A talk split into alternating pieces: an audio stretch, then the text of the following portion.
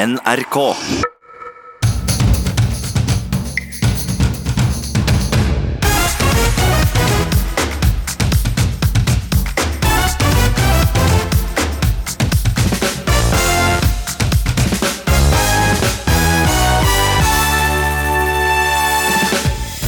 Norske Angelina Jordan ble sendt rett til superfinalen i amerikansk talentshow da hun fremførte Queens superhit Bohemian Rhapsody.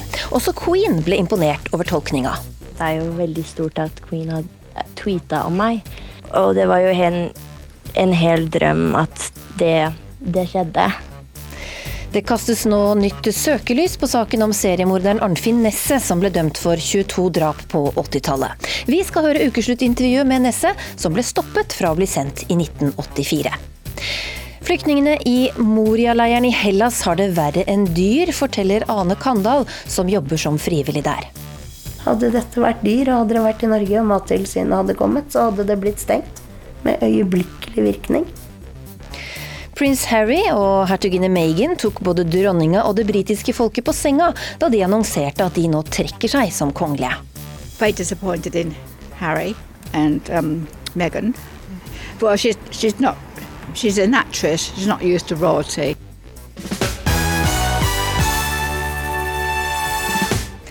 Velkommen til eh, ukeslutt, hvor vi også skal gå på uanmeldt besøk.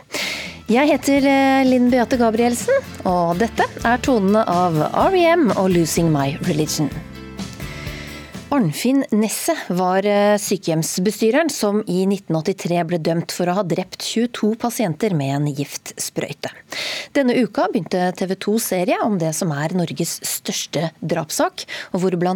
hjelpepleier Sølvi Olsen Snildal forteller hvordan hun fattet mistanke mot Nesset da de gikk nattevakt sammen. Sitter på hvor lang tid det tok, men i hvert fall så kom han tilbake. og så sier han at uh, han Ola er død. Så skulle jeg trekke fra gardina og gjøre som vi gjør, da.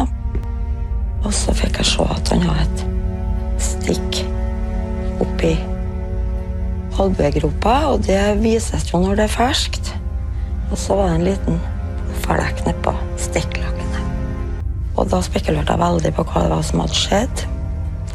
Og da gikk jeg inn i kartotek for å se om det var tatt noe blodprøve eller et annet som kunne forklare det stikket. Og det var ikke gjort. Nesset ble dømt til 21 års fengsel i 1983, og ett år etter så fikk Ukeslutt et intervju med ham i Ila fengsel. Men intervjuet det ble aldri sendt. Ingebjørg Sebu, du var altså på Ila fengsel for å intervjue Nesset. Men hvor stor var denne saken den gangen? Det klart det var ei stor sak. Det var mange førstesider, det var mange minutt på radio og fjernsyn. Og husk at dette var en mann som hadde vært avhørt i nærere 1000 timer. Han hadde innrømma å ta livet av flere enn de 22 han ble dømt for. Og trakk altså det tilbake, da. Men det var ei stor sak. Og alle medier ville jo selvsagt snakke med den dømte seriemorderen. Du fikk altså intervjue ham, men så ble det ikke sendt. Hvorfor ikke? Nei, da som nå så levde vi jo av å møte folk, intervjue de vi kunne. Og NRK bestemte seg for at vi skulle intervjue han eh, for Ukeslutt og for Dagsrevyen. Så vi var på Ila og intervjuet han en fredag, tror jeg det var, og vi skulle eventuelt sende dette dagen etter. Eh, men det var selvsagt ulike vurderinger, og vi hørte gjennom intervjuet sammen med redaktørene våre, og kom altså fram til at det ikke skulle sendes. Og det må jeg jo si at jeg hadde stor forståing for. Det var tross alt en mann som nett var dømt til å ha tatt livet av 22 mennesker. Og så var det lagt noen begrensninger ikke sant, på hva du, hva du, kunne spørre om? Ja, vi fikk ikke spørre om handlingene han var dømt for. Altså hva han var dømt for å ha gjort med giftsprøytene. Og, og så hadde han med seg en advokat som greip inn eh, i tilfeller da jeg spurte om dette. Så de, for altså, det var ikke kritiske spørsmål, de kom ikke inn. Mm. Men hvordan var det å møte han, da? Det var, det var, det var jo interessant. Altså, for oss som journalister så er det jo alltid det å møte folk som, som er det viktige. eh, vi skal møte folk, og så skal vi fortelle om disse møtene til, til for oss da her i NRK, til våre seere og lyttere og, og, lesere. Og det er 36 år siden, så jeg husker ikke alt, men det var en eh, saktegående, litt lutrygga mann som kom inn til intervjuet på, ute på fengselet, i et møterom utenfor cella hans. Jeg tror han hadde en sånn heimestrikka grå genser, og han kom bort og ganske slapp i håndgrepet da vi hilste på han.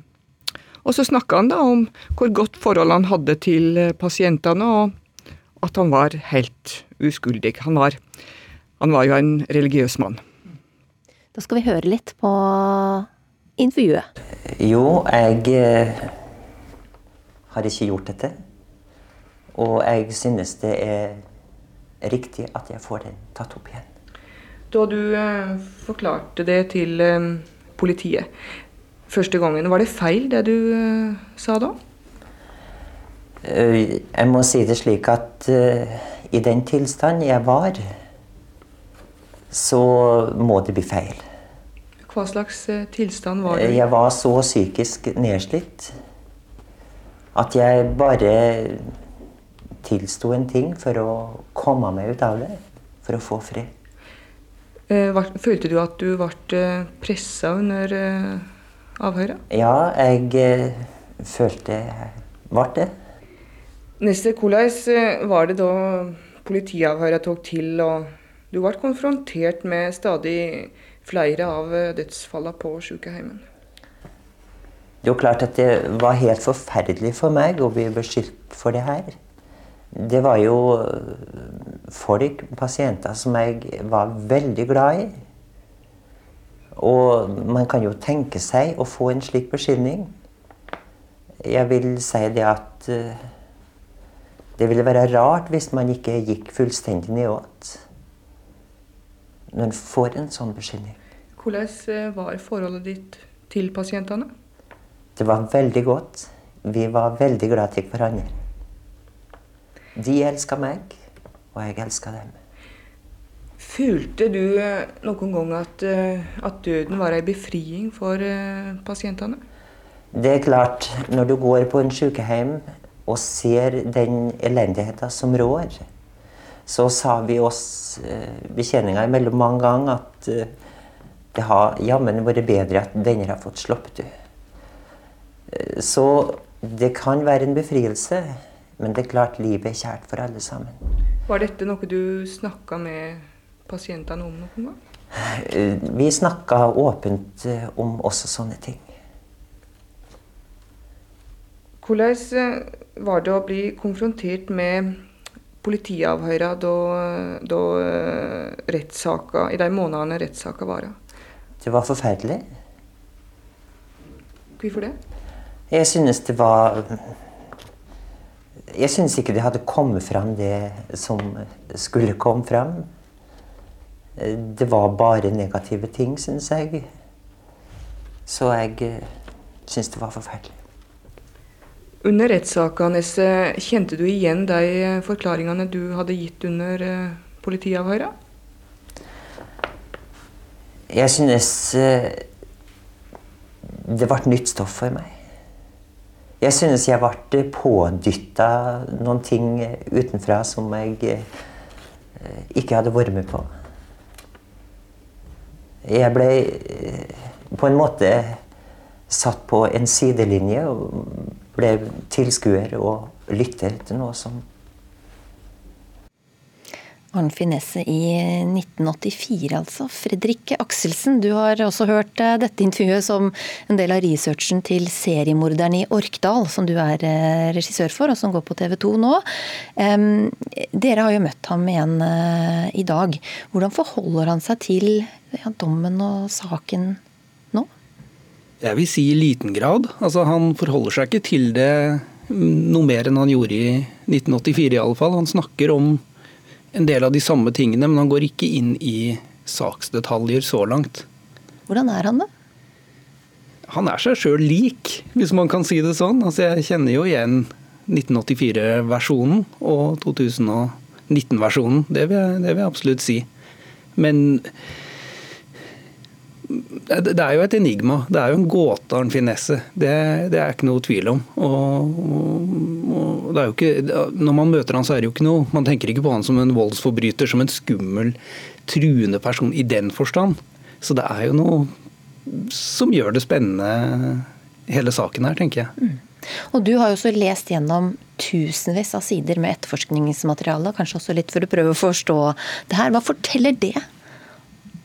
Nei, altså tusen sider forteller jo fryktelig mye, eller mange titalls tusen sider. Forteller jo veldig mye, og det forteller litt sprikende ting. Det er klart Når du er etterforska for eh, over 60 drap, så er det jo noen som virker sterkere enn andre. Noen som er, eh, som er tydeligere, noen som er mer utydelige, og noen som virker i dag kanskje mindre overbevisende enn andre. Så det Hva forteller han om drapene, da? Motiv og sånn? Nei, motivet, det blir jo Episode fire heter 'Motivet', så jeg, så jeg, vil jo spare bitte litt av det. Men det er klart han har, han har, det er flere teorier. Altså Det er noe av det altså det her med å hjelpe noen over kneika snakka han om, og det kom ut i en del i media og Altså det at det var, det var på det siste, og han gjerne ville, ville hjelpe de over kneika. Eh, det snakkes om en lystfølelse, det snakkes også om nesten et religiøst motiv. Djevelen eh, ba meg sette sprøytene. Det var to Arnfinn. Ehm, det snakkes om at bydende stemmer fra dødsriket kallet om å hjelpe han over. Så det er en del sånne dramatiske beskrivelser som kommer fram i, i avhør. Mm. Og så trekker han det jo på et, eh, på et tidspunkt. Hva, hva, var det som skjedde? Nei, det, det, det, kan ha vært en kombinasjon av flere ting. Han fikk, eh, han fikk et sammenbrudd eh, og ble funnet nesten komatøs på cella. Ehm, kona skilte seg fra han, det skjedde mye som gjorde at han slutta å forklare seg. Han fikk også inn en ny forsvarer, Alf Nordhus, som var en av de store forsvarsadvokatene i Norge på den tida. Ehm, så Der verserer det flere teorier rundt hvorfor han trakk de. Altså noen sier at han ikke fant igjen i hukommelsen en del av de tingene han hadde tilstått. Noen sier at det var Nordhus sin taktikk å be han trekke de. Ehm, så der er det flere teorier som som man kan følge med på. Mm. Det er jo en hel eh, bygd, da, Orkdal, som har vært prega av denne saken. Det fikk jo til med tilnavnet Kura City. Mange var pårørende til både de drepte, til noen som jobbet på sykehjemmet, og selve familien til eh, Nesset også, som skifta navnet Blei i bygda. Og ordfører eh, Oddbjørn Bang han forteller hvordan bygda opplever saken i dag. Ja, I Østdalen så er det svært mange som er berørt, eh, både som pårørende og ansatte. Så det har vært en eh, krevende og traumatisk sak egentlig for lokalsamfunnet. Eh, men inntrykket mitt er at vi har lært oss å leve med, med saken. da. Og, men når, når saken får ny aktualitet, så mener vel mange at det ripper opp i, i en svært vanskelig sak som kanskje kunne ha fått ligge i ro. og mens det er også forståelse for at det er mange som ønsker at saken blir belyst på nytt, og, og, at det er behov for, å, for at det blir snakka om det som skjedde. Um, kommunen har jo linka til deres egen eh, hjelpetelefon i forbindelse med at serien nå går, og har folk benyttet seg av det, det tilbudet i forbindelse med serien? Ja, det har vært henvendelser uten at jeg kan uh, si hvor mange det er. Fredrik Akselsen, dere, hvordan har det vært for dere å få folk til å snakke om denne saken fra, fra bygda? Nei, det har vært utfordrende. Eh, det ble satt en sluttstrek i Avisa Sør-Trøndelag, i lokalavisa, på, altså etter at saken var ferdig i 1983. Og etter det så har det vært ganske stille. altså. Det har nok vært snakk på, altså blant folk, selvfølgelig, men, men i det offentlige så har det vært stille. Og den saken her har jo langt på vei gått i glemmeboka. Så det er klart, eh, en så stor og dramatisk og eh, sjokkerende sak på veldig mange vis, er jo, er jo noe som, jeg, som, er litt overraskende. At man ikke har den på en måte oppe i bevisstheten nesten i det hele tatt. Men hvorfor er det viktig å se på denne saken på nytt nå? Ja, det er klart det har jo skjedd mye siden 1983 i forhold til forståelse av f.eks. For avhør. Da. Vi har hatt Thomas Quick, vi har hatt uh, Birgitte Tengs-saken. altså Det er mange ting man kan stille spørsmålstegn ved rundt der. Tekniske bevis har fått en annen betydning. altså Det, det å se en sånn sak i, ny, uh, i nytt lys er jo viktig. Uh, i, i, tillegg til at åpenhet er jo tenker jeg, en viktig, viktig, ting i et demokratisk samfunn. At man, at man, klarer å finne en måte å snakke om ting på, er jo alltid viktig, tenker jeg. Men tror du at det kan, kan han være uskyldig dømt, liksom? Det problematiserer vi jo gjennom de siste episodene, eh, så det må man nesten eh, tune inn på TV 2 21.40 hver onsdag for å finne, finne ut av. Men men det, det, er ting som tyder på både det ene og det andre, vil jeg si. Mm. Tusen takk, eh, Fredrik eh, Akselsen. Ikke nok med at eh, britene har sitt brexit. Denne uka fikk de også det tabloidene kaller et megxit.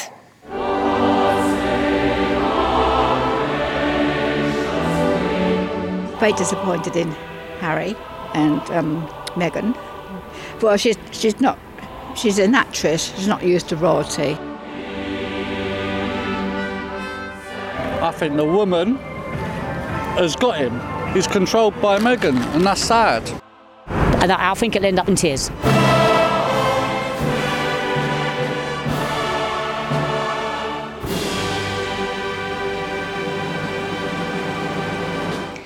Onsdag skrev nemlig prins Harry og hertuginne Meghan at de trekker seg som eh, fremtredende kongelige, og ønsker å bli økonomisk uavhengige av det britiske hoffet. Og ikke nok med det, de kommer til å bo delvis i Nord-Amerika og delvis i Storbritannia. Og dette gjorde de visstnok helt uten å konferere med dronning Elisabeth eller noen andre i kongefamilien. Det kan i hvert fall eh, reaksjonene derfra tyde på. Kongehusreporter i Se og Hør, Karoline Vagle, vi, vi hører folk her. De legger skylda på hertuginne Meghan. Er det rettferdig, syns du? Nei, absolutt ikke.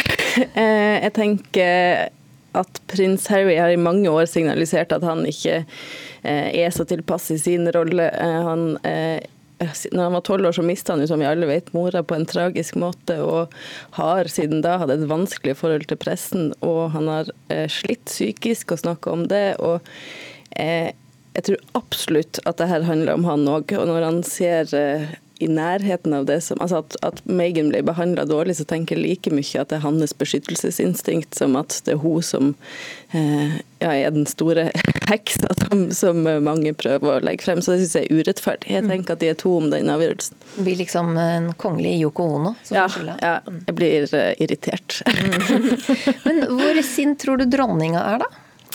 Uff, det der er veldig vanskelig. Det blir jo bare spekulasjoner. Eh, men jeg må si at jeg reagerer på måten de har gjort det på, eh, eh, og finner det rart at de ikke har konferert med, med dronninga. Akkurat det synes jeg tror jeg de gjorde feil, for det skaper grobunn for mye mer rykter enn om de har blitt enige. For jeg tenker at det at de faktisk gjør det, ettersom jeg har forstått, så tror jeg ikke det er det verken dronninga eller prins Charles reagerer på. Så, så jeg, jeg, tenker at det ble mer bråk av det. Så jeg tenker at hun er ganske sint, og jeg skulle gjerne ha vært eh, flue på veggen i Buckingham Palace de siste dagene og sett hva mm. som skjedde på, på kammerset. Mm. Eh, journalist Tom Bradby, som er venn av hertugparet, og som var det som gjorde det berømte intervjuet av dem i Afrika, ja. hvor hertuginen lette litt på sløret om hvor vanskelig hun syns tida som kongelig har vært. Han mener jo at det britiske kongehuset visste hva som var på gang, og at, eh, at de føler seg jaga ut. Hva tror du? Eh, jeg tror nok at de visste hva som var på gang. Det, det, har vi jo skjønt en stund. Bare det at de tok den pausen nå, og, og, i det intervjuet som han gjorde med de, hvor hun åpenbart er, eh, lei seg og syns at det er tøft. Eh, så, så, at de visste, og at det var i gang med en prat, det tror jeg. Men, men jeg tror de finta alle ut med å, å, å, gjøre det så fort. Og det tror jeg kanskje var uheldig å skape mye mer større blest enn, enn det som er nødvendig.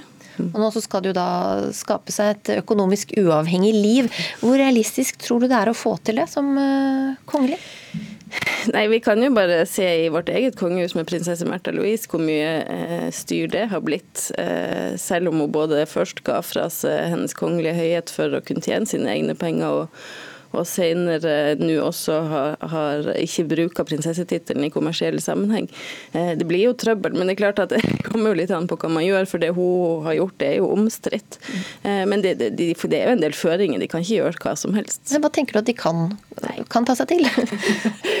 Nei, jeg, jeg, er veldig spent på hva de tenker, men, men at de kan eh, både skrive bøker og holde foredrag og være på liksom best eh, altså sånn toppliste over foredragsholdere rundt omkring eh, og tjene ganske mye penger på det, det er jeg helt sikker på. Jeg vil synes det var rart om hun gikk tilbake i i sitt gamle yrke. Men uh, det her er to stykker som tydeligvis uh, gjør litt som de vil, så det blir spennende å se. Mm, mm, ja, for hun var jo skuespiller. Ja. Men er dette her en slags trend blant de kongelige? Vi har jo sett i Sverige er jo en del av prinsen og prinsessene fristilt. Ja, eh, altså i høst så, så sa kong Carl Gustav at hans eh, barnebarn, bortsett fra de som er, er, er kronprinsesse Victoria sine, skal, eh, ikke skal ha hans kongelige høyhet og hennes kongelige høyhet-tittel. og heller ikke få apanasje. Altså de skal få lov å bestemme litt mer sjøl hvordan de eh, lever. Mm. Og eh, ja, kanskje er det en trend. Eh, det er jo dyrt, og de er mange. Og, og, og prins Charles har også signalisert at han eh, kanskje ønsker det når han tar over tronen og, og, på en måte innskrenker litt. Så vi får se. Mm. Mm. Altså, nå var det bare dette vi mangla, kjenninga til uh, The Crown. Fordi alle som har fulgt med på TV-serien om det britiske kongehuset, kan jo på en måte forestille seg litt hva som foregår i, i kulissene nå. Og selv om serieskaperen har sagt at uh, det neppe kommer til å gå helt fram til vår tid, så kan jo vi her i Ukeslutt leke oss litt med, med, tanken at dette her kunne blitt en del av The Crown. Cecilie Asker, kulturredaktør i Aftenposten og programleder i avisas TV-seriepodkast serieprat. Hvor gøy hadde det vært da om dette hadde kommet med i en sesong av The Crown? Det hadde jo vært eh, kjempemorsomt. Og eh, TV-serier er jo på jakt etter gode historier, og dette er jo en god historie. Det er ikke noe tvil om.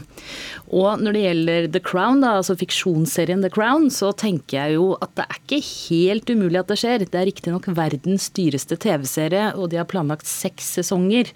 Og det er litt kanskje dristig å love bort eh, sesong åtte åtte allerede.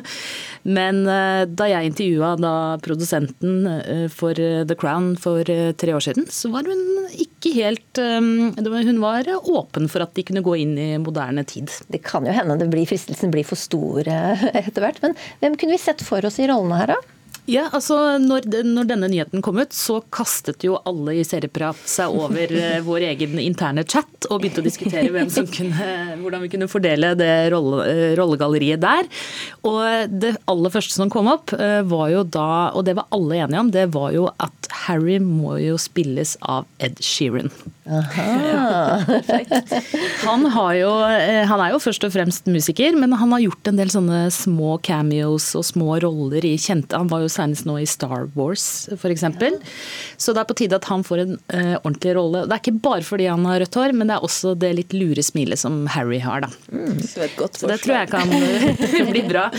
Og så fant vi ut at uh, Megan er jo nødt til å spille seg selv. Ja. Altså, hun må gjøre comeback som seg selv, uh, med, med, litt sånn god Hollywood-makeup, så tror jeg hun om fire år fint klarer å spille seg selv fire år yngre. Nå begynner å trenge litt penger. Så, ja, ikke sant? Så tror jeg det. Og mm. det vil jo vært også en måte for henne å sette skapet på plass, da. Mm. Så, hvis, hvis du ikke vil det, så har jeg et annet forslag. Ja. og Det er altså den norske danseren Mona Berntsen. Hun danser jo vel å merke bare, ja. men de er klin like, så hvis hun ja, kunne hive seg på skuespiller... Ja eh, trenden, eller altså at hun kan gjøre det, og det kan hun helt sikkert, tror du ikke det? Ja, ja.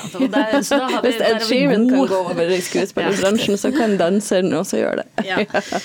Og på dronning Elisabeth så vil vi gjerne se Meryl Streep. Hun er jo fantastisk eh, til å gjøre karakterroller, så hun kunne helt fint ha spilt eh, Queen Elizabeth. Det hadde blitt spennende. Men hvis vi legger til Harrys onkel, da, prins eh, Andrew, da blir det jo enda mer action?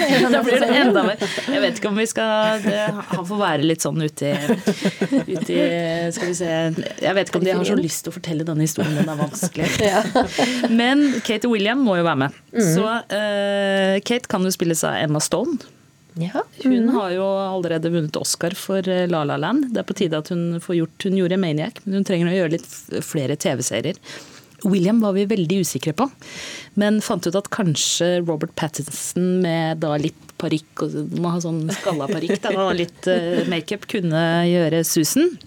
Og så må jo Camilla Parker Bowles og Charles være med. Ja. Og Charles kan spilles av Gary Oldman. For han har jo allerede gjort eh, Churchill i Darkest Hour-filmen, og vant jo Golden Globe for det. Og Camilla Parker Balls må spilles av Emma Thompson, som gjorde en fantastisk eh, britisk populist-statsminister eh, i Years and Years. For øvrig en TV-serie alle bør se. Men da syns jeg du har gjort halve jobben, ja, for Ja, vi jeg som skaper eh, The. Crown. Ja. Så da kan vi bare oversende det. Ja. Da kan vi bare oversende det til dem og si eh, lykke til med den sesongen. Tusen takk for at eh, dere var med i Ukeslutt, Cecilie Asker og Karoline Vagle. Ukeslutt ruller snart ut disse sakene. Ingen møtes lenger uten å ha avtalt det på mobilen først, skrev Jim Gallagher i en ytring. Vi skal høre hvordan det går når vår reporter drar på uanmeldt besøk. Rune Halseth satt i høyrisikofengsel, uriktig dømt for trygdesvindel. I går møtte han både statsministeren og Nav-direktøren under stortingshøringa.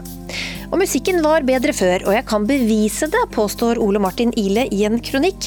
Debatten får du her i Ukeslutt litt senere. Vi har anmeldt, påtalemyndigheten har tiltatt, advokater har prosedert, domstolen har dømt, fengselsstraffer er sonet, og krav om tilbakebetaling til staten er iverksatt. Dette av denne store kollektive feiltolkingen.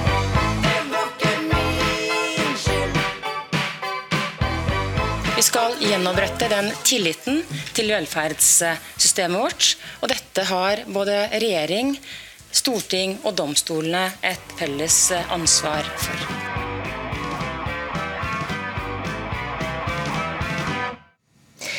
I to dager har den ene etter den andre både beklaget, i hvert fall litt, og pekt på alle andre under Stortingets kontrollhøring om trygdeskandalen. Kanskje husker du han som ble funnet skyldig i trygdesvindel for 300 000 kroner og måtte sitte fire måneder i høyrisikofengsel fordi det ikke var plass andre steder? Rune Helseth fortalte om dette i ukeslutt, da skandalen sprakk i høst, og fikk en unnskyldning av Nav-direktør Sigrid Vågeng i studio. Og til deg, Rune, om du hører på sendingen nå, så vil jeg gjerne si unnskyld til deg og til alle som er berørt. Vel, velkommen tilbake, Rune. Hva, hva tenkte du da du fikk unnskyldning fra Vågeng? Eh, Jeg tenkte jo den første gangen jeg fikk den, at han kanskje ikke Den var litt flat. Og i går så snakket jeg også med henne, og da fikk vi jo en eh, ny unnskyldning. Det er jo greit det at man får unnskyldninger, men en unnskyldning i seg selv kan jo ikke rette opp det de har satt i gang. Ikke bare for meg, men for alle andre òg. Hvordan syns du de har eh, fulgt opp eh, nå etterpå, etter at dette har blitt eh, kjent? Den oppfølgingen som de snakker om, denne opprydningen som de sier de har begynt med, den fungerer heller dårlig.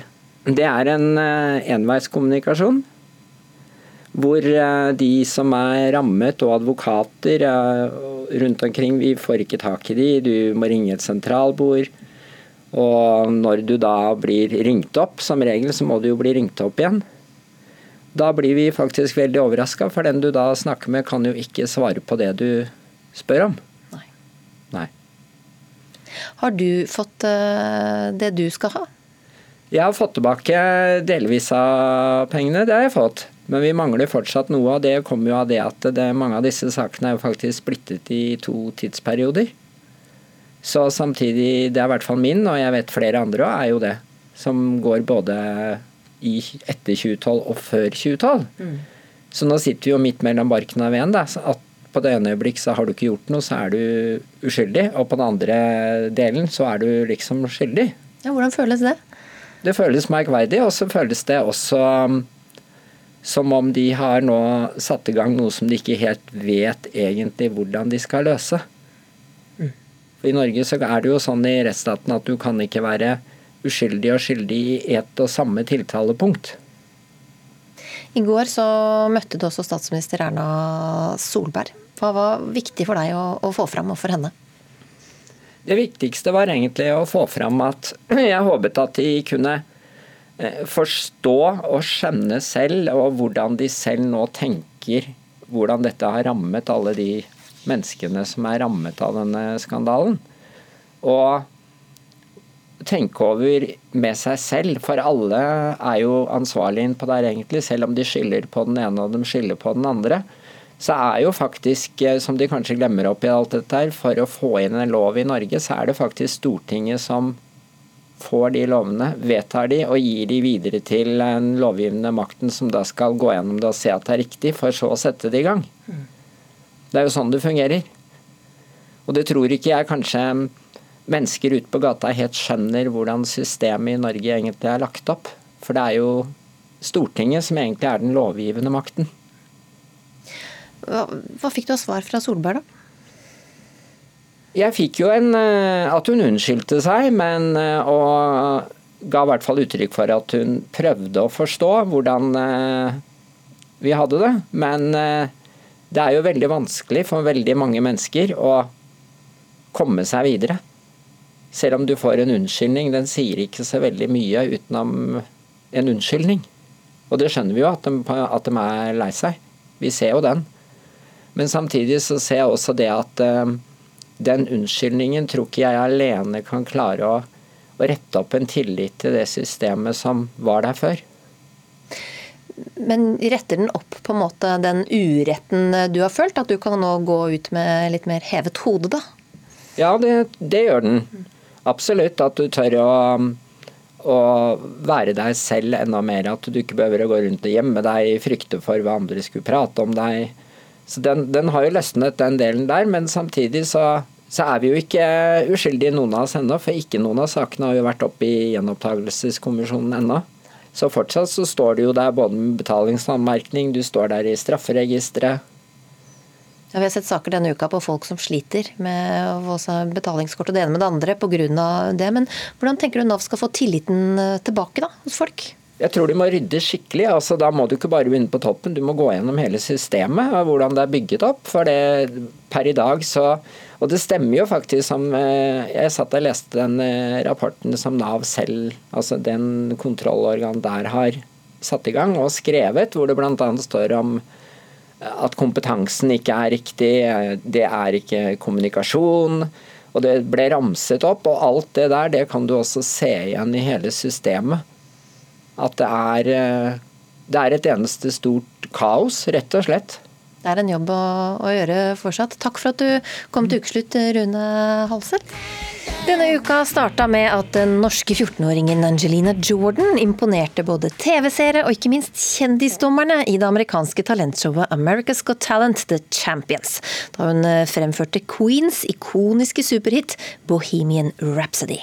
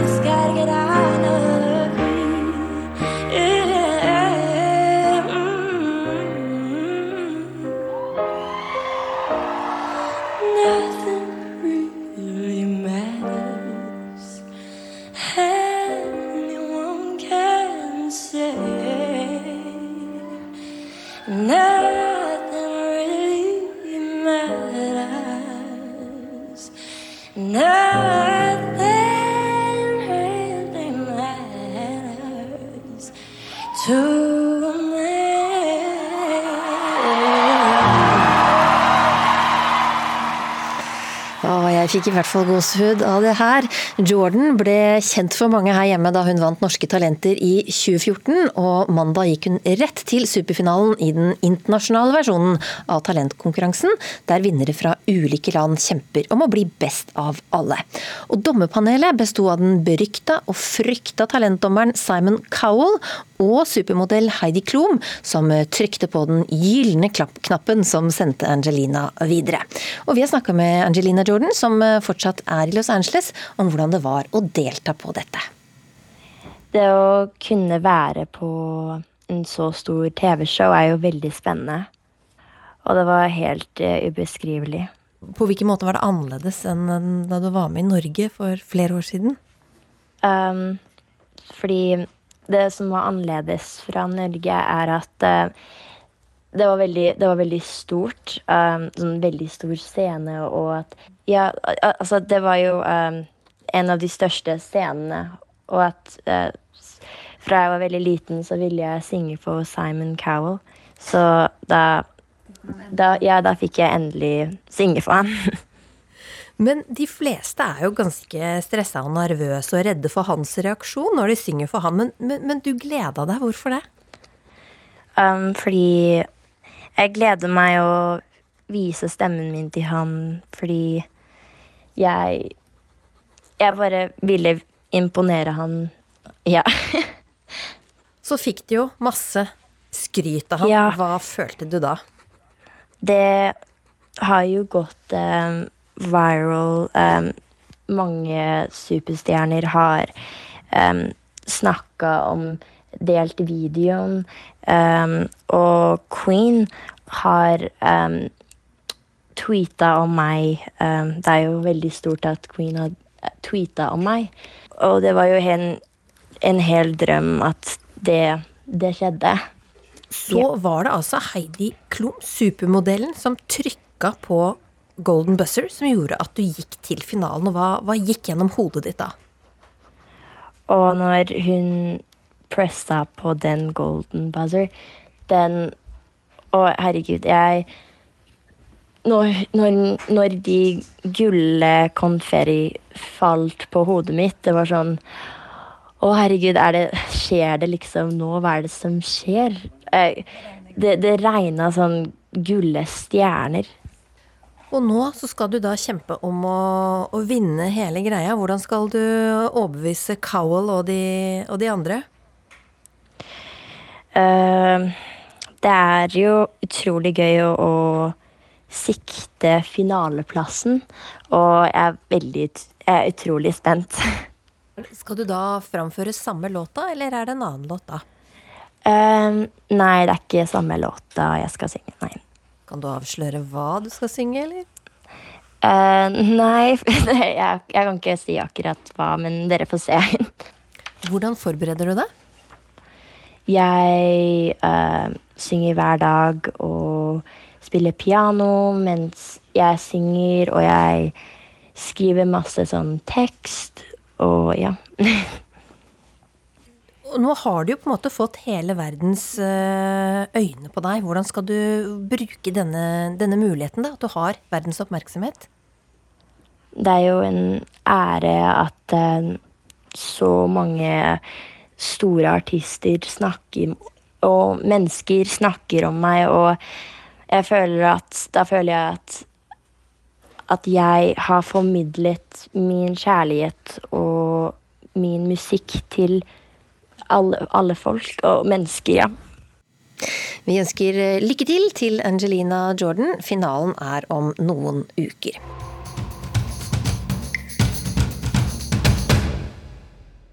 Politiet har nå hatt eh, pressekonferanse etter at en mann ble drept i Prinsdal i Oslo i natt. Og hva ble sagt eh, der, Tonje Grimstad? Ingen er pågrepet etter at den 21 år gamle mannen ble skutt og drept inne på et gatekjøkken ved midnatt. Men etterforskningsleder Grete Lien Metlid tror ikke drapet var tilfeldig. Det fremstår ikke som at fornærmede, eller den nå eh, avdøde, altså, er et tilfeldig offer. De var fire stykker der. Og også en av de andre ble skada. I forbindelse med da at uh, den nå avdøde blir skutt, så oppstår det et basketak der ute. Og at også en av da disse som var sammen med nå avdøde, uh, da får stikkskader. Men politiet tror ikke saken henger sammen med skytingen på Bjølsen i Oslo i går kveld, der en mann ble skutt i armen. Her er en mann pågrepet, og han er siktet for medvirkning til drapsforsøk. Og ellers har det kommet en stor innrømmelse fra Iran i dag? Ja, Iran har nå innrømmet at det var deres militære som skjøt ned det ukrainske passasjerflyet utenfor Teheran på onsdag. Etter å ha først nektet, sier de nå at dette skjedde ved en menneskelig feil, og beklager til de pårørende. 176 mennesker døde, og de fleste var iranere. Og ellers så tar vi med at uvær med storm og nedbør har ført til stengte fjelloverganger eller kolonnekjøring i Sør-Norge. Vinden er så kraftig at busker, takplater og trær har veltet. Og det er også stor skred- og flomfare på Vestlandet og vest i Agder. Ja, Man får ferdes forsiktig ute i dag. Takk, Tonje. Har du i løpet av jula sett bilder av folk på Facebook som holder en plakat foran seg med teksten 'Evakuer barna i Moria'? Det dreier seg altså om flyktningeleiren på den greske øya Lesbos, hvor det bor 20 000 flyktninger. Og det flyter av søppel og sykdommer, mens barna leker og bor i festivaltelt. Dette er altså bootsene mine fra Moria. Nå har jeg kjøpt jeg meg nye. Sånn ser de ut. Altså, jeg hæler ikke å ta dem opp engang. Det er, dette har jeg gått oppi søppel med. Oppi den søpla så er det menneskelig avføring og dyrelik og alt som er så motbydelig som tenkes kan. Skitne bleier, og du må gjerne studere dem nøye. Hvis du har lyst til å lukte, så vær så god. Dette er Ane Kandal. Kofferten hennes er åpnet på gløtt, og mellom klær kan det skjelne plastposer og julegaver. Her er eh, julegaven fra mamma, som eh, var den eneste jeg tok med meg, som jeg har glemt å pakke ut. Unnskyld, mamma. Men Kandal er ingen vanlig Hellas-turist. For eh, sjette gang har hun besøkt flyktningeleiren Moria på øya Lesbos. Når vi kommer fram til Moria, så er det alltid veldig mye styr med masse mennesker og masse ståk litt sånn utenfor. Moria-leiren huser rundt 20 000 flyktninger, men det er kun plass til 3000 der. Men så når vi kommer dit på morgenen, så er det jo Folk fryser. Folk har begynt å satte, stenne opp disse bålene sine. Det er tusen millioner sånne små bål. Det brenner jo stadig vekk i disse leirene. Så det å plukke søppel er en fin jobb. Det er utrolig disgusting. Det er uh, unevnelige ting der. Det har jeg vært med på å plukke, opp uh, ja, dyre, rester. Ane Kandal har jobbet frivillig for organisasjonen Refugee for Refugees i Moria-leiren. Lederen for organisasjonen hun jobber for, heter Omar. Han har selv vært flyktning, og han og Ane har jevnlig kontakt. Hallo, Omar. Omar var en av dem som flyktet før den store flyktningkrisen slo ut. Og i 2014 flyktet han fra Syria via vannet. Han svømte over med en skade i lår. Han svømte for at han hadde fått beskjed i Tyrkia om at han burde komme seg til Tyskland for å få legebehandling. Så de var tre stykker som svømte over, og han tredjemann kunne jo ikke svømme engang. Så de hadde en gummiring og noe sjokolade og svømte over med livet som innsats og vel så det. Omar reiste tilbake for å hjelpe sine egne. I Moria-leiren møtte Ane Kandal ham. Der og da bestemte hun seg for å hjelpe alle de som ikke kunne komme inn til fastlands-Hellas, men som heller ikke kunne reise tilbake til stedet de rømte fra. Det er folk som er forfulgt. Og når de folk flykter fra krig, så flykter de fra begge sider i den krigen. Så de som forfølger dem, kan godt hende at de bor i et telt i sone sju. For alt det de veit, og for alt det jeg veit. I Moria-leiren står telt tett i tett. Ofte er en presenning den eneste beskyttelsen fra omverdenen. I september gikk FN ut og krevde evakuering av Moria-leiren. Hellas sin regjering sliter med å få folk til fastlandet. Det er Formelt sett så er det jo greske myndigheter som uh, har ansvaret for behandlingen av de flyktningene som kommer til disse leirene, kommer til øyene. Det sier forsker og sosiolog ved Samfunnsvitenskapelig institutt, Jan Paul Brekke. I 2015 gjorde Tyrkia en avtale med EU. Planen var at Tyrkia stenger sine grenser og gjør grensekontroll for Europa, forklarer Brekke. Det høres veldig komplisert ut, men tanken er at uh, Tyrkia skal stanse så mange de klarer. Og hvis de kommer til Hellas, så skal de kunne, i teorien i hvert fall, returneres igjen til Tyrkia. Dette gjør at det kommer mye færre til Europa, og også til Norge. Men for alle de flyktningene som faktisk klarer å komme seg til Hellas sine øyer, kan situasjonen bli mer enn uutholdelig. Eh, disse flyktningleirene på øyene i Hellas de er laget av nødvendighet. Det er ikke meningen egentlig at det skal være flyktningleirer der, men det har oppstått pga. de som har kommet fra eh, Tyrkia og over eh, det korte, lille stykket med Middelhav som er over disse øyene. Og nå har man altså en situasjon hvor det er kommet eh, mange over de siste fem årene til disse øyene. Tallene har gått litt ned i det siste, men, og så er de på vei opp igjen. Så det går, dette går litt opp og ned, men det er mange som kommer, og det er mange fra Syria. Og mange fra Afghanistan, ikke minst, som er i disse leirene nå på de greske øyene. Og en av dem som har kommet seg fra Afghanistan til Lesbos, er 16-åringen Fatema Rahimi. Det var som å leke med livene våre. Vi kunne vært døde, eller vært, på havbunnen, vært i havbunnen. Sammen med foreldrene sine og hennes to søsken bodde hun fra hun var seks år i Norge. Deretter ble hun og familien sendt til Afghanistan, før de igjen flyktet derifra.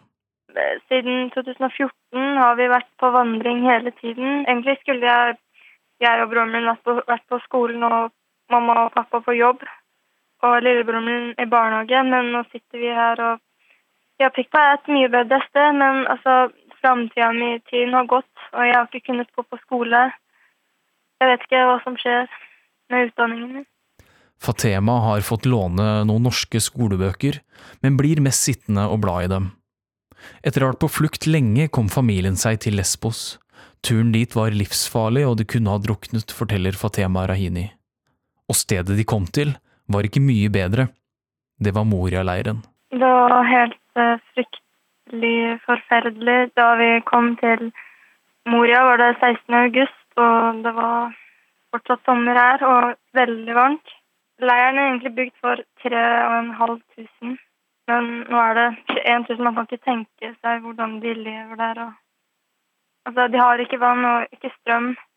Bare noen timer om dagen. Jeg skjønner ikke hvordan folk varmer seg, eller uh, hva de gjør. NRK har tidligere møtt familien i Moria-leiren. Nå har de kommet seg til en ny leir hvor standarden er bedre. Men Fatema vil ikke flykte mer. Det er sånn at noen tar livet ditt av deg, og så har det gått så mange år. Jeg, jeg kan ikke forstå det fremdeles. Fortsatt. Tilbake i Norge sitter Ane Kandal. Hun vil tilbake til Moria-leiren igjen så raskt som mulig. Og de har det verre enn dyr. De sier det selv òg. Vi har det verre enn dyr. Og jeg tenker at ja, hadde dette vært dyr, og hadde det vært i Norge og Mattilsynet hadde kommet, så hadde det blitt stengt. Med øyeblikkelig virkning. Ved hjelp av en Facebook-post i jula klarte Kandal å samle inn to millioner kroner til flyktningene på Lesbos. Likevel mener hun det må større krefter til. Jeg tror ikke det at det løser flyktningkrigen. At jeg er krisen. At jeg drar ned dit og, og plukker søppel. Men det hjelper veldig de som bor i det teltet ved siden av den søppelhaugen. Det kan hende de ikke får sykdommer de dør av fordi at jeg gjør det. Og statssekretær i Utenriksdepartementet Jens Frølich Holte sier til ukeslutt at regjeringa mener det er nødvendig med felleseuropeiske løsninger på europeiske migrasjonsutfordringer. Og Norge arbeider for å få til en bindende ansvars- og byrdefordeling der alle land deltar. Reporter var Philip André Johannesborg. Musikken var bedre før. Utsagnet har du sikkert hørt fra mange som har bikka 40, men eh, skribent og musiker Ole Martin Ile slår til i en kronikk i VG denne uka, og påstår at han kan bevise det. Velkommen hit. Takk. Innlegget ditt har blitt delt veldig mye. Veldig mye. Jeg har aldri skrevet noe som har blitt mer delt. Jeg. Nei. I overgangen til et uh, nytt tiår, da, så har du sett litt på de listene som har blitt laget over hva slags uh, låter som var de aller beste fra 2010-tallet, og så er du ikke uh, imponert. La oss høre litt på det som fremhøves da, i disse listene som noen av tiårets beste låter.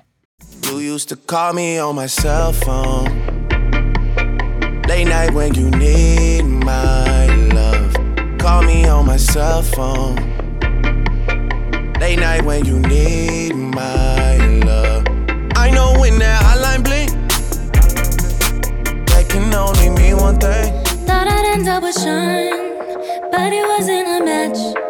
Wrote some songs about Ricky, now I listen and laugh. It's lots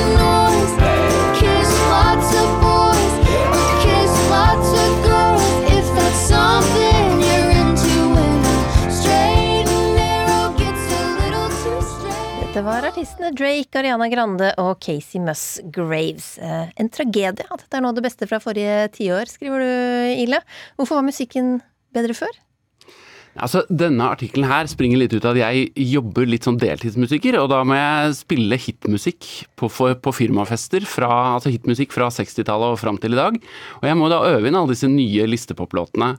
Og det har liksom i løpet av flere år så har det vokst fram en frustrasjon i meg at jeg føler at eh, den nye hitmusikken, at det er mindre musikalsk variert enn det pleide å være.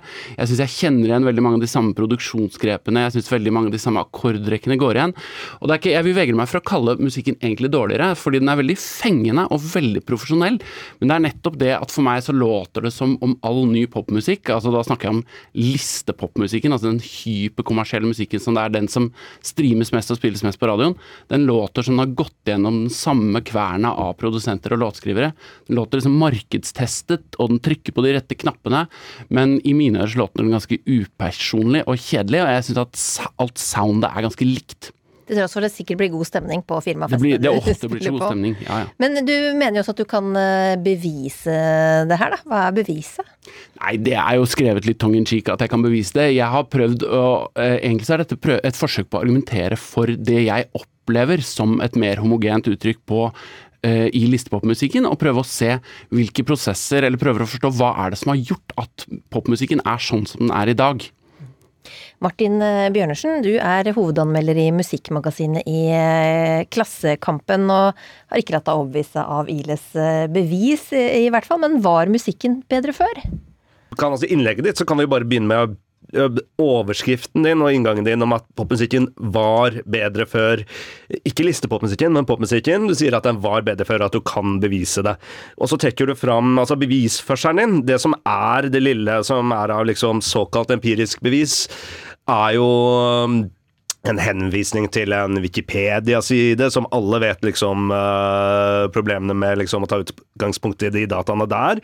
Og så henviser du til en én undersøkelse hvor uh, altså Datainputen ikke er offentlig tilgjengelig engang. Så altså, du har jo motsetning til meg akademisk bakgrunn, eh, så, så du burde jo vite at dette her er jo ikke bevis. Eh, Så hvis vi, kan starte der, kan du bare trekke tilbake det at du kan bevise at popmusikken er bedre? Kan vi, kan vi begynne der, så kan vi ta et diskusjon derfra? Jeg mener jeg fører en god sak for at popmusikken var bedre. Altså listpopmusikken var Ja, men, men du kan ikke bevise det, ikke sant? Nei, det er feil. det er et, eh, det er- det er greit. Den- den skal du få. Men det han legger fram her, eh, f.eks. at det er samme akkordrekka som går eh, Altså, det, det, ja, det fører jo jeg mener jo til og med det fører ganske dårlige argumenter for det, men det fører jo argumenter for det, da. Eh, og du kan si at sånn helt anekdotisk så er vel mitt inntrykk også at det er noe i det med akkordrekkene. eh, at de er blitt litt mer standardiserte. Men det er bare en følelse jeg har. Det vet ikke jeg noe mer om hvorvidt stemmer enn det ser ut som du vet om det. Eh, Men, men Nei, altså mitt inntrykk, bare for å skyte inn, så er mitt inntrykk basert ikke bare på den Wikipedia-siden, men bare å ha plukket mange hitlåter. Men jeg har ikke noe sterkere empirisk grunnlag for å påstå det enn det, annet enn at jeg har spilt hitlåter fra mange tiår. Eh, Det er min følelse, ja. Så, altså, det er jo ikke noe empirisk Anekdotisk, grunnlag. Det er anekdotisk. Ja, ja. Og jeg har også et anekdotisk inntrykk av det samme. At liksom akkordproduksjonene i popmusikken har blitt noe enklere. Men altså, hva så? Hva slags øh, Jeg skjønner jo at det kan være litt kjedelig for deg som musiker. Det er streit nok, Eh, men det nevner du jo ikke noe om i innlegget ditt engang. Men altså hvis man skal ta akkordprogresjoner da, som en øh, øh, liksom trumfende målbar faktor for, hvorvidt- på, på kvaliteten på musikk Altså, det er jo så det er jo så gammeldags at altså, Vi må jo tilbake 100 år til, til eh, det var liksom akseptabel eh, måte å tenke på musikk på. Og det morsomme er jo at eh, den, det samme argumentet med akkordprogresjoner og manglende oppfinnsomhet, det er jo det samme som blir brukt til å avvise uh, all den musikken som du holder fram som den gode musikken, da, i din liksom Ditt før ble jo avvist med akkurat den samme begrunnelsen som du bruker mot uh, nåtiden, da. Kan jeg spørre deg, er, er det hitlistene som er på en måte den gode mm, målet da, på om vi har bra popmusikk i dag eller ikke? Nei da, nå var dette her utgangspunktet i hitlistene, fordi det er det jeg er mest eksponert for av ny musikk, og det er det de folk flest er mest eksponert for av ny musikk. Det er det som streamer mest. Men det er en annen sak ved dette her òg, som jeg ønsker å diskutere, og det er måten musikk lages på i dag. Det jeg ønsker å stille spørsmål ved, er at er det greit? Altså For eksempel så ser du dette med låtkrediteringer, og det har sikkert Martin mange innskyldes på, men antallet krediteringer på en låt har vokst veldig. Altså leddet, avstanden fra låtens tilblivelse og eh, ferdig produkt er blitt mye lengre. Og det er mange grunner til det. Det er flere som rettmessig blir kreditert enn tidligere. Samples, musikere, produsenter osv. Det er til og med sånn at store artister krever kreditering på låter selv om de ikke har hatt noe med det å gjøre. Og det er galt, at det er mange Nei, som er lager en låt. ting også, Det er at låter skrives på en annen måte mer. Altså at, og dette har begynt i Norge òg. Mye mer låtskrivercamps. Det er blitt en mer altså upersonlig måte å skrive låter på, og jeg mener, uten å kunne bevise det, at det høres i lydbildet. For meg så låter det ut som det er en komité bak låtene, og at det ikke er en person som ønsker å si noe med låta si. Ok, Men altså, bare alt det du sier nå Det er ingenting av det du sier nå som ikke er gyldig hvis vi snakker om uh, en anerkjent klassiker fra 50 år tilbake, 'What's Going On' av Marvin Gaye. Hver eneste ting du sier nå, kan brukes mot den låta der. Du går jo også lengre i, i innlegget ditt og sier at dette fører til at ungdommen ikke får noe personlig forhold til den som synger låten. Altså, man mister det når man blir voksen. Altså, er det noen som sitter og hører på What's Going On, og ikke tenker at Marvin Gaye mener det han sier, fordi eh, det er to andre som er kreditert, og for øvrig, etter dagens praksis, så ville minst tre andre vært kreditert også. Altså, det du sier, er at René Diff, når han synger Come On Barbie, Let's Go Party, så er det liksom det, noe som skal treffe deg med større emosjonell resonans enn Marvin Gaye som synger What's Going On, fordi han har skrevet det selv. Det, det henger jo ikke på greip. Det, er- men det er jo det du skriver. så- er skriver. Ja, men for meg så handler det mer om det store bildet. For meg så er det synd at det blir stadig færre som er alene. Altså, jeg vet at dette har skjedd før. Men det er jo heller ikke, det er for øvrig heller ikke helt sant. For der har du et andre problemet. Du snakker ikke bare om popmusikken, og du snakker ikke bare om listepopen.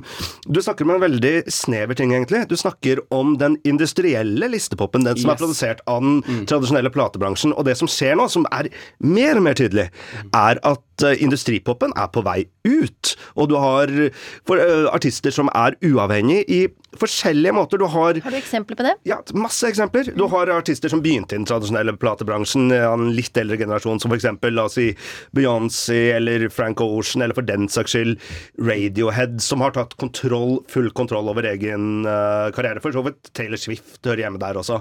Men så har du jo også da nye artister som aldri har vært tilknyttet den i det hele tatt. Alt fra Billie Eilish til rappartister som la oss si XXX Tentation, eller Sveriges største artist akkurat nå, uh, rappartisten Yasin Byn fra Rinkeby, som eh, sitter eh, eh, fengslet eh, mistenkt for mord. Vi skal ikke gå inn på den saken. Men altså, det er jo Det er jo den store tendensen, egentlig. De danker ut industripopen i stadig større grad. Hva sier du til dette, Ille? Vet du hva, hvis det, Dette har Martin mye mer peiling på enn meg, og hvis dette er sant, så gleder det meg stort. Men jeg har altså, jeg har en viss fot i musikkbransjen, jeg også, og jeg har pratet med veldig mange produsenter som Men jobber du, du både nevner jo visse av disse artistene. Du nevner jo Billie Eilish, ikke sant? Ja, for, for meg så har jeg fram til nå sett på Billie Eilish som mer eller mindre et, et unntak på de i, Altså en som gjør dette selv, mens når, du, når jeg har bare sett på listen og låtkrediteringer, så har det sett annerledes ut at hun har vært unntaket. Men jeg har snakket med mange produsenter som jobber i norsk bransje, og som også jobber i altså norske produsenter som jobber i USA.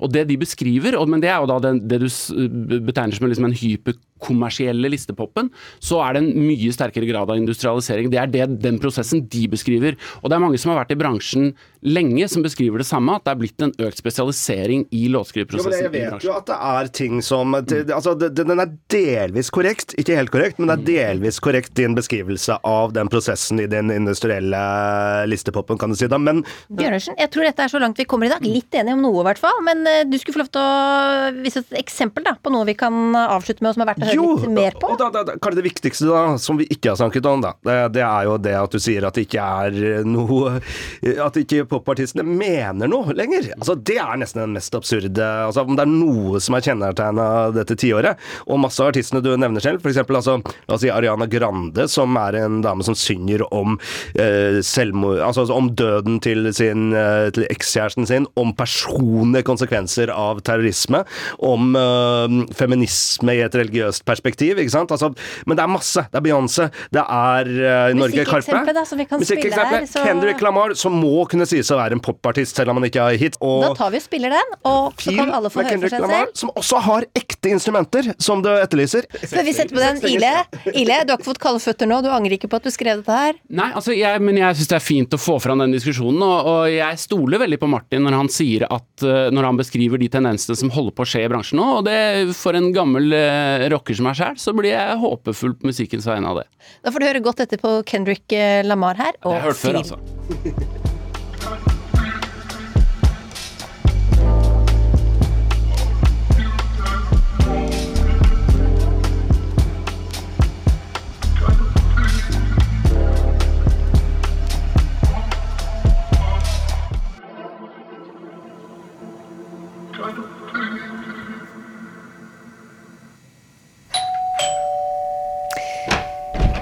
Når gikk du sist på uanmeldt besøk? Bare troppa opp og ringte på døra helt uten å avtalt det på mobilen på forhånd? Dette var tema for en ytring her på NRK denne uka, og reporter Dagny Elisabeth Ulland tok utfordringa og dro på uanmeldt besøk til to av sine venninner. Hallo? Hei, det er Dagny. Hei. Hei. Kan jeg komme på besøk? Ja, så hyggelig. Ja. Klokka er nå halv sju på kvelden, og jeg har akkurat ringt på hos venninna mi Elise. Og dette er et helt uanmeldt besøk. Dette har jeg ikke gjort på mange år, og jeg må innrømme at det kriblet litt i magen min da jeg ringte på.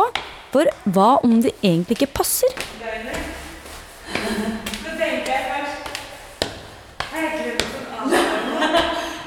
I døra står ei smørblid jente med stort smil og åpne Hei. armer. Passer det det kommer en tur òg? Ja. Ja. Åh, så koselig. Hei! Jeg har enda mer besøk. Jeg er jo så litt vant til å ringe på, så når noen ringer på og jeg ikke forventer noe, så blir jeg nesten litt redd. Og jeg får noe å drikke. Dette var da ikke noe skummelt i det hele tatt. Men jeg lurer jo på hvordan Elise syns det var da at jeg kom på et uanmeldt besøk. Veldig hyggelig. Aller først så tenkte jeg eh, at noen skulle selge noe eller noe sånt. Men så ble jeg veldig glad da det var deg, da. Eh, Men jeg tenker jo at det er en kulturendring, fordi vi tenker jo på det alle sammen. At vi avbryter noe hvis vi kommer innom, eller at vi er eh, til bry, da. Og det, jo, hvorfor gjorde man ikke det før, eller hva er det, som, hva er det som gjør at vi tenker annerledes nå? Dette vil jeg høre mer om. Jeg tar en telefon. Og jeg har gått og tenkt lenge på hvor forandra ting har blitt. Hvor avtalt alt skal være. Det sier Jim Gallager. Han har skrevet ytringen 'Når gikk du sist på besøk uten avtale?', som over 100 000 av nrk.nos lesere har fått med seg. Her skriver han om hvordan holdningen til det å komme på uanmeldt besøk har blitt så forandra, og at alt i dag må være så avtalt i forkant. Det er jo sånn det har blitt. eh, Og det, jeg har jo sett mange reaksjoner på dette innlegget også, at det er jo sånn mange vil ha det sånn. Jim Gallagher har kommet frem til at det er rundt 20 år siden han har reist på uanmeldt besøk. Men kanskje han allikevel har en oppfordring til de som kanskje syns det kan være litt skummelt? Jo, Oppfordringen må jo være det at det er jo bare å gå og ringe på og, og smile og si hei. Ok, men jeg skal ta den utfordringen en gang til, jeg. Men eh, først så tar jeg og spør folk på gata om hva de egentlig tenker om det å reise på uanmeldt besøk. Eh, Jeg skulle ønske vi kunne gjøre mer av det. Jeg elsker å ha folk på besøk, men eh, dessverre så føler man at man må liksom sende en melding først eller avtale det fram i tid, for det er så mange som har så mye å gjøre. Altså veldig blanda følelser. Det går mest på hvordan jeg vil ha det hjemme før, eh, før det kommer folk inn i huset, rett og slett. Er det noe du tenkte deg å gjøre det mer av? Jeg veit ikke. Det føles ikke like naturlig ut lenger. Hallo? Hallo, det er Dagny. Hei. Hei. Takk. Da er jeg fremme hos Ingvild, og jeg er også spent eh, denne gangen. For eh, hva om det egentlig ikke passer, da? Eller om at eh, hun egentlig ikke har lyst på besøk. Hei! Halla! Så hyggelig. Ja, Passer det at jeg kommer på besøk, eller? Ja, kom inn. Kommer litt uanmeldt, men Eh, ja, det ble litt overraska. Men det passer fint. Ja, det passer bra. Og jeg må jo spørre Ingvild om det samme. Hvordan var det at jeg plutselig ringte på døra uten å ha sagt ifra på forhånd? Eh, det var jo veldig gøy, men veldig overraskende. Generelt så føles det litt sånn skummelt, da, hvis det er sånn ut ifra Ikke akkurat denne situasjonen, men hvis andre ringer på, så blir jeg helt sånn Hva er det som skjer? Hvem er dette? Jeg vet ikke hvem som kommer. Ja. Du syns ikke det var litt frekt, eller? Nei, det er jo ikke frekt. Det er bare uvant i dagens eh, samfunn, holdt jeg på å si, i forhold til når vi var små. Vi gikk jo og ringte på til hverandre hele tida. Men da kan vi konkludere med at eh, det er helt innafor å gå på uanmeldt besøk, også i dag. Ok, takk for meg, Emil. Og det var kjekt å se deg. Ja, det var veldig hyggelig. Var det. Vi snakkes. Vi snakkes. Ha det. Det gikk jo rett så bra for reporter Dagny Elisabeth Ulland, så kanskje du også tør å bare stikke innom noen nå i helga uten å si fra på forhånd. Det kan godt hende Harvey Weinstein blir frikjent, sier Hollywood-reporter Aud Berggren. Men i Hollywood er den overgrepstiltalte filmmogulen ferdig. Du hører den her i ukeslutt om eh, litt.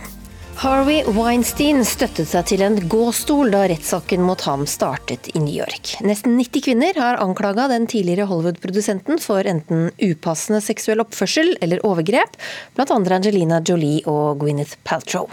Kun to av sakene er en del av tiltalen nå, men eh, samtidig ble han siktet for to andre saker i Los Angeles. I en eh, BBC-dokumentar som ligger på nrk.no, så forteller flere kvinner om Weinsteins oppførsel. he said, I want to see your breasts. And I, I said, I'm sorry, I don't do that. And he said, Do you know who I am? He said, You know, I, I can make your career or I can break your career. I can make it where you will never work in this business again. And he said, So show me your breasts. And I said, No, I don't do that. And then he says, The building's locked. You can't get out that way. You can't get out at all. And she like he grabbed my hand and it, he had a erection and I went fuck. Um, backed up and and he goes, Sonia, you're making a very big mistake. He pulled my dress up, and I was just terrified. I didn't go to the police because I was terrified he would destroy me. Vi hørte her en av kvinnene fortelle hvordan Weinstein ba om å få se puppene hennes, og så ble han truende da hun sa nei, og en annen forteller hvordan han tvang handa hennes mot underlivet hans. Vi ringte Hollywood-reporter Aud Berggren, som har eh, intervjuet så godt som alle de store stjernene i filmbransjen de siste 35 årene, også Mira Sorvino, en av de første som sto fram og anklaget Weinstein for eh, overgrep. Det var veldig sterkt, fordi hun, hun er jo en så, hun er sånn veldig intelligent dame. Og eh, også modig, som endelig sto frem. Da. Men hun var jo den andre som sto frem etter, etter eh, Ashley Judd. Hun gjorde dette også med mange følelser. Hun fikk ofte tårer i øynene. Og sa også at hun hadde sluppet lett fra det i forhold til andre. Som hennes venninne Annabella Chiara, som ble, ble voldtatt. Jeg skulle kanskje si angivelig går foran, foran alt dette. Hvordan snakker man om dette her i Hollywood eh, nå? Ja, er, Man snakker ikke så fryktelig mye om det, syns jeg. Men jeg tror at, eh, at eh, ikke så mange ønsker å snakke om ham, for han er jo ut, utstøtt nå. Det er han virkelig. Men hvilken posisjon hadde han før eh, kvinnene begynte å, å stå fram om hva han hadde gjort mot dem? Han var helt konge. Altså, han var på alle Nå har jeg vært på Golden Globe-utdelingen i ja, nesten 35 år, da. Og eh, han var jo den som dominerte hele alt, alt sammen på etterpåpartyene der. Han samlet folk rundt seg, og han var, han var den, største, liksom, den største av alle, fordi han laget jo så mange filmer som fikk Golden Globe og Oscar-priser. Så han var jo Ja. Han eh, Han var midt- midtpunktet, kan du si. Og eh, jeg møtte ham mange ganger. Og ja, jeg syns han var litt Hva skal jeg si? Han Jeg kjente ham ikke. Selv om jeg møtte ham, for jeg bare hilste ham og var høflig, men jeg, han var ikke en person som som jeg hadde lyst til å bli veldig godt kjent med. Jeg vet, Uten at det- er noe med hans eh, de påstandene om ham å gjøre. Han var bare ikke en person Han var veldig høyrøstet og veldig bereisende. Og det er ja, det er mitt inntrykk av ham. Og han ringte meg en gang for å gjøre PR for eh, en film som hans bror Bob hadde, hadde laget. Og jeg var veldig høflig, men ikke så veldig imøtekommende, så det var ikke en veldig lang samtale. Så det er mine møter med ham. Men jeg har sett ham hvert år på Golden Globe, bortsett fra i fjor og i år. Så nå er han utstøtt på alle prisshowene også, og han levde jo for dem veldig mye. Kunne sole seg. Mange har jo hevdet at dette her var en eh, åpen eh, hemmelighet i, i Hollywood, så hvorfor har ikke dette kommet fram før? Jeg tror, hvis noen visste det, så er det veldig få som visste hvor omfattende dette var. Altså, han, han hadde jo ord på seg for å være en mannsgris, for å si det sånn. Og unnskyld grisen. Og, og, men jeg tror at omfanget av dette var at omfanget var så vanvittig. Men på den annen side så er det folk som må ha visst om dette. Fordi han bodde jo på de fineste hotellene her. Og alle disse damene som senere anklaget ham, de ble jo tatt inn på rommet hans og sånn. Så det var jo personer både på hotellene og eh, eh, jeg fikk gå i limousiner og eh, i hele nettverket rundt ham som gjorde, at det, gjorde dette mulig. Så det er helt, men jeg tror ikke noen visste hvor at han var en voldtekt, også. Og nå ser vi jo bilder fra rettssaken eh, hvor han ser ganske skrøpelig ut, og han kom inn med en, eh, en, en gåstol. Er, det, er han en slagen mann nå? Nei, det tror jeg ikke. Han kjemper, og han ønsker jo å få et, eh, et comeback. Han håper jo å bli frifunnet, og det er godt mulig at han blir frikjent. Harvey kommer med gåstol. Av den aller billigste, billigste typen, så er også det et ledd i Forsvaret for å, for å få ham til å se virkelig skrøpelig ut. At han kunne aldri gjøre noe vondt igjen. Han hadde riktignok en ryggoperasjon i, tilbake i august, tror jeg det var. Og, eh, men han har jo blitt sett observert i butikker hvor han går helt alene. og han, slipper, han behøver ikke å gå, verken gåstol eller folk som holder ham i armene. Men selv om han skulle bli frikjent, eh, sånn som du kjenner Hollywood, tror du han har noen mulighet for noe, noe comeback? Jeg tror ikke at han kommer til å klare å komme seg opp igjen, fordi det er veldig få som vil jobbe med ham etter dette, tror jeg. Det kunne vi bare se på Woody Allen, som, som etter dette dokumentaren for snart 20 år siden, tror jeg det er. Det er jo mange som nå sier at nei, de vil ikke jobbe med ham mer, og mange angrer på at de har jobbet med ham. Så jeg tror at utfallet av dette her ikke er til Weinsteins fordel. Og bare bare en ting til. Han heter ikke Weinstein, han heter bare Harvey. Han, han, han var bare han var på fornavn med alle, alle kalte han bare Harvey. Så jeg tror at Harvey er ganske ferdig i Hollywood, altså. Sa altså Hollywood-reporter Aud Berggren. Ja, det blåser friskt langs kysten og i fjellet, og det får konsekvenser for trafikken, Eivind Stuvold i NRK Trafikk. Ja, det stemmer det. Det er stengt faktisk på rv. 15 over Strynefjellet pga. uvær. Vi venter på ny eh, oppdatering derfra, fordi situasjonen skal vurderes på nytt igjen nå klokka 14. Men foreløpig så er det meldt stengt på Strynefjellet. Og på Vikafjellet, rv. 13 eh, på Vestlandet, der eh, er det også stengt og vil ikke bli åpna i dag. Det kjøres kolonne både på rv. 7 Hardangervidda og på fv. 50 mellom Hol og Aurland. Eh, og på Hardangervidda kan det bli stengt på kort varsel. Eh, også langs kysten eh, preger vinden trafikken. Eh, På rv. 80 så er fergeovergangen mellom Bodø og Moskenes nå i ettermiddag klokka 16.30 fra Bodø innstilt pga. Uværet. Og det er flere mindre fergesamband langs kysten som eh, har innstillinger. Det gjelder bl.a. ferga Skei-Gutvik i Trøndelag, og en del eh, andre mindre steder langs eh, kysten som ikke blir anløpt av ferge nå i ettermiddag pga. vinden. Eh, Ellers så er det litt glatt eh, rundt omkring. Det gjelder eh, kanskje særlig i Innlandet og i indre deler av Agder og eh, Telemark. Det har vært ei trafikkulykke på rv. 25 mellom Elverum og Trysil. En bil har kjørt av veien ved Ulvåa. Der er det kø i begge retninger, og nødetatene er på stedet nå. Mange utfordringer i trafikken altså. Vi hørte jo i nyhetene at det er så kraftig vind at både busker og takplater og trær har eh, velta. Så hvor lenge skal dette her vare, statsmeteorolog Rafael Escobar Løvdahl? Ja, det vil nok vare ut eh, dagen i dag, men i morgen blir det en annen situasjon. Der det vil være mest vind nå fremover, egentlig fra Stad opp mot eh, Trøndelagskysten. Langs kysten her venter vi en sørvest periodevis liten storm minkete sterk kuling i løpet av eh, natten, ser det ut til. Men det er altså i dag det pågår, det blir minkende i morgen. Så dette med, Jeg har snakket om at det var glatt på veiene stedvis østafjells. Det vil jo bli en bedring her, for etter hvert så varmlufta blir blandet ned, så blir det bedre. Og i morgen så vil det til dels være lange perioder med sol og oppholdsvær over det østafjelske. Og vinden minker da fra sterk kuling ytterst på kysten nå til bris i løpet av morgendagen. Også Vestlandet sør for Stad vil det bli mindre vind i morgen. Da ligger det på en sørvest stiv kuling. Regnbygene vil fortsatt være der, men færre byger i morgen enn i eh, dag. Litt bedre søndagsvær, altså. Søndagen blir litt, litt Mm. bedre. Så har dette stormsenteret ført til høy vannstand. Ligger eh, fra Stad og nordover til eh, Nordland en 50 cm over det som er opp til tidevannstabellene. I morgen så vil dere få Troms og Finnmark, så det flytter seg opp dit i morgen. Og så er det grense omkring Sørøya. at Hvis du er i Nord-Norge fra Sørøya og sørover, så vil det være regn i lavlandet. Fra Sørøya og nordover er det østavind med kuling der, og der vil det være for neste snø.